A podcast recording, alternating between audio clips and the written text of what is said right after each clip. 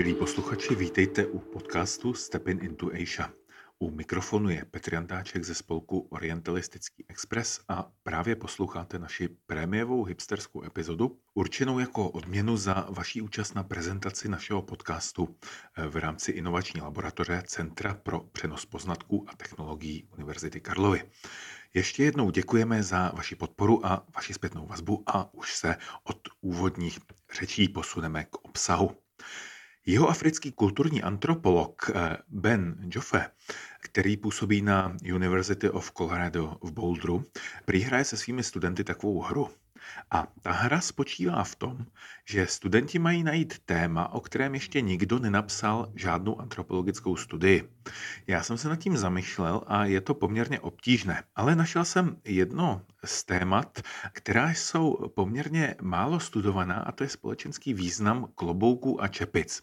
A protože správný klobouček, kulich a nebo tweedová baker boy cap je skoro až esence hipsterství, tak jsme se rozhodli věnovat naší dnešní epizodu eh, také čepici a to čepici z tibetského kulturního prostředí. A nebudeme se bavit jenom o čepicích obyčejných, ale i o čepicích kouzelných. Ono se dá říct, že Tibetané obecně měli poměrně velkou zálibu v různých pokrývkách hlavy a tohle téma je zatím, pokud vím, nespracované. Například slavný tibetský učitel Dusum Kempa, který žil ve 12. století a byl prvním z tibetských mistrů, kteří se začali převtělovat, měl čepici, která byla údajně utkaná z vlasů deseti tisíc dákiny. To je dam doprovázejících různá božstva. V tibetštině se tomu říká kajoma, tedy ta, která chodí po obloze. A tahle čepice je údajně dodnes v klášteře v Runteku Sikimu a musí být v krabici, aby neuletěla. Skeptiční badatelé se ovšem domnívají, že ona čepice je při nejlepším z 15. století a že ji dostal pátý převtělenec linie Karmapu od čínského císaře. Než se ale posuneme k čepici, která bude hlavní náplní naší epizody, tak si dovolím ještě jednu vtipnou historku, která potvrzuje tu tezi o tom, že tibetané si libují ve zvláštních pokrývkách hlavy. Náš učitel doktor Čekor Tsang ehm, z Ústavu eh, Jižní a Centrální Asie, který pochází z Dolpa v Nepálu, si v pokaře zakoupil čepici, konkrétně tedy Boonie Hat, oranžové barvy s poměrně eh, širokou krempou. Když si jej eh, potom nasadil na hlavu, tak protože je trochu nižší postavy, tak vypadal asi jako muchomurka a zamyslel se a říkal, to byste nevěřili, co všechno si představitelé různých škol tibetského buddhismu dokážou nasadit na hlavu. A teď už se budeme věnovat čepici, která je předmětem nebo hlavním předmětem naší epizody. Jde o čepici nebo čepice, případně skalpy z Yetiho, které jsou uchovány v klášterech Pangboche, tam dokonce měli z Yetiho i ruku, a Komjung. To je v Nepálu, v distriktu jménem Solukumbu v provincii číslo 1. Tato místa jsou na cestě nebo poblíž cesty do jižního základního tábora pod Mount Everestem, tedy na nepálské straně. A po otevření Nepálu v první polovině 50. let se staly poměrně známými, včetně o něch ostatků Yetiho.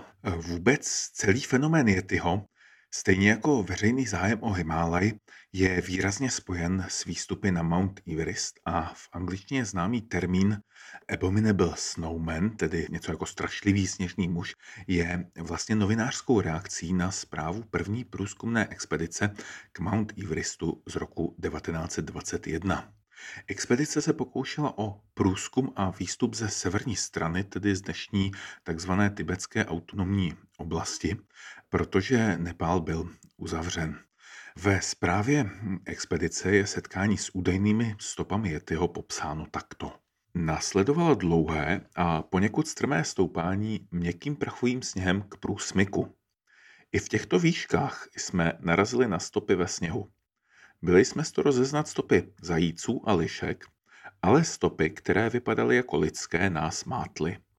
Naši nosiči okamžitě došli k závěru, že to musí být divoký sněžný muž, kterého nazývali Metochkangmi, tedy strašlivý sněžný muž a který tak zaujal novináře.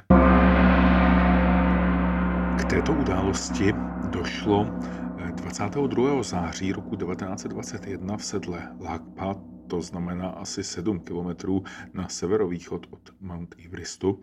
A autor tohoto popisu, plukovník Charles Howard Barry, byl co se týče existence Yetiho poněkud skeptický. Fenomén přesto vyvolal obrovský zájem a nepálská vláda dokonce v 60. letech vybírala poplatky za povolení k expedicím k hledání Yetiho s tím, že zakazovala jeho zastřelení mimo tedy nějakého případu nouze a vyžadovala, aby v případě úspěšného nálezu byla komunikace s médií vedena přímo přes ní. V těchto věcech se dokonce angažoval i Sir Edmund Hillary. Tomu se dokonce v roce 1960 podařilo vypůjčit si Yetiho skalp z Kumčungu a nechal zhotovit jeho kopii, která je prý dodnes k vidění v New Yorkském Explorers Clubu. Existuje i fotografie, jak si Hillary Scalp prohlíží a ta se loni prodala za 764 dolarů v aukčním domě Webs na Novém Zélandu. Kromě toho se na přelomu 50. a 60. let dostal do Evropy i Yetiho prst, který pochází z ruky uchovávané v klášteře Pangboche a dnes je ve sbírkách Hunterian Musea v Londýně. Nicméně zde je katalogizován jako eh, levhartí kost a podle článku, který publikoval v roce 2011 Matthew Hill pro BBC, šlo aspoň podle testu DNA o kost lidskou. Tyto příklady možná zní dobrodružně až úsměvně, ale poukazují na jeden takový palčivý problém. A to je, že když je někde nějaká kuriozita nebo umělecké dílo, které vzbudí zájem nás, řekněme lidí ze západu, tak se často stane jaksi cílem nějaké krádeže nebo zmocnění a vlastně je vytrženo z toho původního kontextu a původní kultury. V Himálaji eh, je to poměrně běžná záležitost třeba s tibetským uměním a setkáte se s tím, že v celé řadě eh, nějakých místních chrámů vám nedovolí fotografovat interiéry právě z tohoto důvodu, tedy z obavy před možnou krádeží. Dokonce jsou dokumentovány i takovéto krádeže, k kterým došlo jaksi pod hrozbou ozbrojeného násilí. Něco podobného se stalo i v Pangboče, odkud byly ona údajná Yetiho ruka a skal odcizeny a stalo se to v 90. letech, údajně po odvysílání americké televizní série zaměřené na různé záhady. Takže dnes už jsou tam k vidění pouze kopie. A celkově za to toto mravně sporné eh, jednání v podstatě nevedlo k nějakým uspokojivým výsledkům a různé ostatky Yetiho byly identifikovány buď jako eh, nějaké druhy medvědů nebo eh, různé druhy turovitých, to znamená kos, ovcí, případně antilop. A Yetiho prst, jak už jsem říkal, byl s největší pravděpodobností lidský. E, nicméně to, že Yeti patrně neexistuje v biologickém slova smyslu, mu nebrání být významnou postavou ve folkloru nejen Himálaje. Tibetané, pokud je mi známo, dnes často označují Yetiho jako Mig, tedy divoký člověk, nebo poeticky bychom řekli divý muž. Ale objevují se i jiné názvy, jako třeba Mide, což by znamenalo něco jako člověk medvěd, a nebo Jade, eh, z čehož tedy pochází patrně ono Yeti, eh, kde ja může znamenat ehm, nebo může být označením něčeho jako břidlicových skal a D je opět medvěd. A i když eh, podle eh, ješkého slovníku neměli tibetané problém označit jako D i hyenu, kterou asi moc neznali. Ono už zmíněné metoch kangmy které říkali průvodci členům průzkumné expedice na Mount Everest v sedle Lhakpa, by pak šlo etymologizovat jako Mite eh, Kangmi, eh, tedy něco jako lidský medvěd, sněžný muž. A teď se vrátíme k o něm čepicím z Yetyho. Některé posluchače už jistě napadlo, proč o něm Yetyho skalpům dochovaným v některých klášterech eh, v Solukumbu říkám čepice. Je to jednak proto, že ty skalpy čepice připomínají a dále pak také proto, že se pravděpodobně jako pokrývky hlavy používali.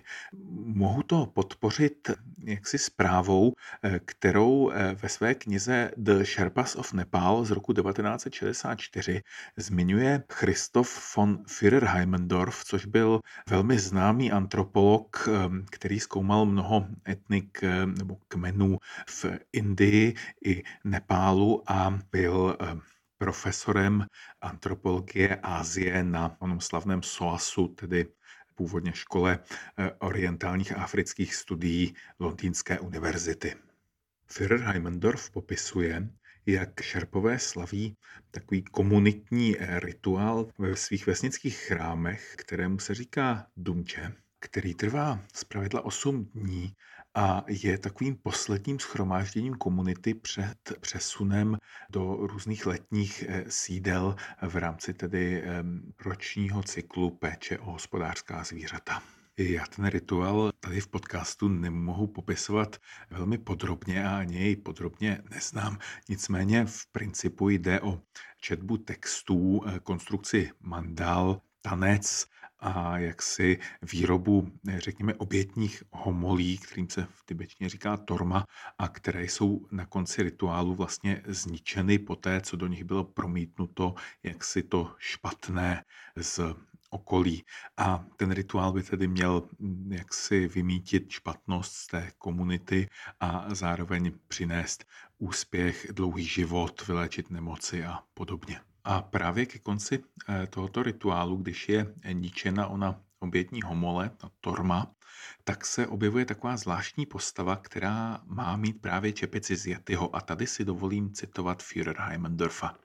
Tato fáze rituálu vyžaduje přítomnost eh, muže oblečeného v ovčím kožiše vlnou navrch a s konickou čapkou vyrobenou údajně z kůže Yetyho. Tato osoba je známa jako Gemaka, je ozbrojená eh, lukem a šípy a nese kruhový štít. Její role není populární a v Kumčungu byl najat chudý kampa za plat 4,5 rupie. Stojí během obřadu u vstupních dveří chrámového nádvoří a později doprovází procesí k eh, hranici vesnice, kde je torma spálena. Eh, funkce gemaky je eh, nejasná a šerpové vědí pouze to, že jeho přítomnost při rituálu je předepsaná zvykem. Tolik tedy popis, který zaznamenal Führer Heimendorf a patrně není náhodou, že toto připomíná různé jaksi výkupné eh, rituály, které se v tibetském prostředí eh, dělaly a vlastně které jsou poměrně známy třeba eh, z novoročních rituálů ve Lhase. Je tedy pravděpodobné, že ony skalpy z Yetyho, které přitahovaly pozornost různých záhadologů i kryptozoologů, byly patrně rituální pokrývky hlavy, tedy čepice, a proto asi také byly uchovávány v chrámech. Jejich moc patrně souvisela s jejich vzácností a jejich původem, jinak jety není v tibetském prostředí vnímán nějak pozitivně a v textových pramenech existují i, řekněme, magické rituály, eh, jak se jich zbavit tedy pro dobro cítících bytostí. Ty vás zde samozřejmě učit nebudu, ale dám vám radu a to, jak utíkat, pokud vás pronásleduje samice Yetiho. Eh, důležité je v tomto případě, alespoň podle toho, co jsem slyšel, utíkat vždy z kopce. Je to proto, že samice Yetiho má poměrně dlouhá povyslá ňadra a když budete utíkat do kopce, tak si je přehodí přes rameno a rychle vás dostihne. Kdežto, když budete utíkat z kopce, tak o ně zakopne a vám se podaří uniknout. Tak eh, to byla poslední rada naší eh, prémiové epizody a já doufám, že jsem vás nějak významně nesklamal tím, eh, že jsem ve věci Yetiho nezjednal příliš jasno. Ono totiž u podobných témat to tak trochu nejde, protože když se tím člověk začne zabývat, tak jak si v e, časem vznikne skoro až telefonní seznam různých neověřených údajů, které si vzájemně odporují a vlastně z této mlhy vybrat něco konkrétního je e, tedy poměrně velký problém. Ale přesto doufám, že se vám náš podcast eh, a jeho prémiová epizoda líbí. Budeme rádi za vaši zpětnou vazbu a doporučení, případně eh, poučení, pokud jste se setkali s nějakými informacemi, které zde nezazněly a eh, můžete nám samozřejmě navrhnout i různá témata, o kterých byste rádi slyšeli v našich sériích a minisériích, jako třeba v připravované minisérii Bizar, kde se hodláme zabývat obskurními tématy z různých oborů takzvaných azijských studií. Takže děkuji vám za pozornost a loučím se s vámi. Step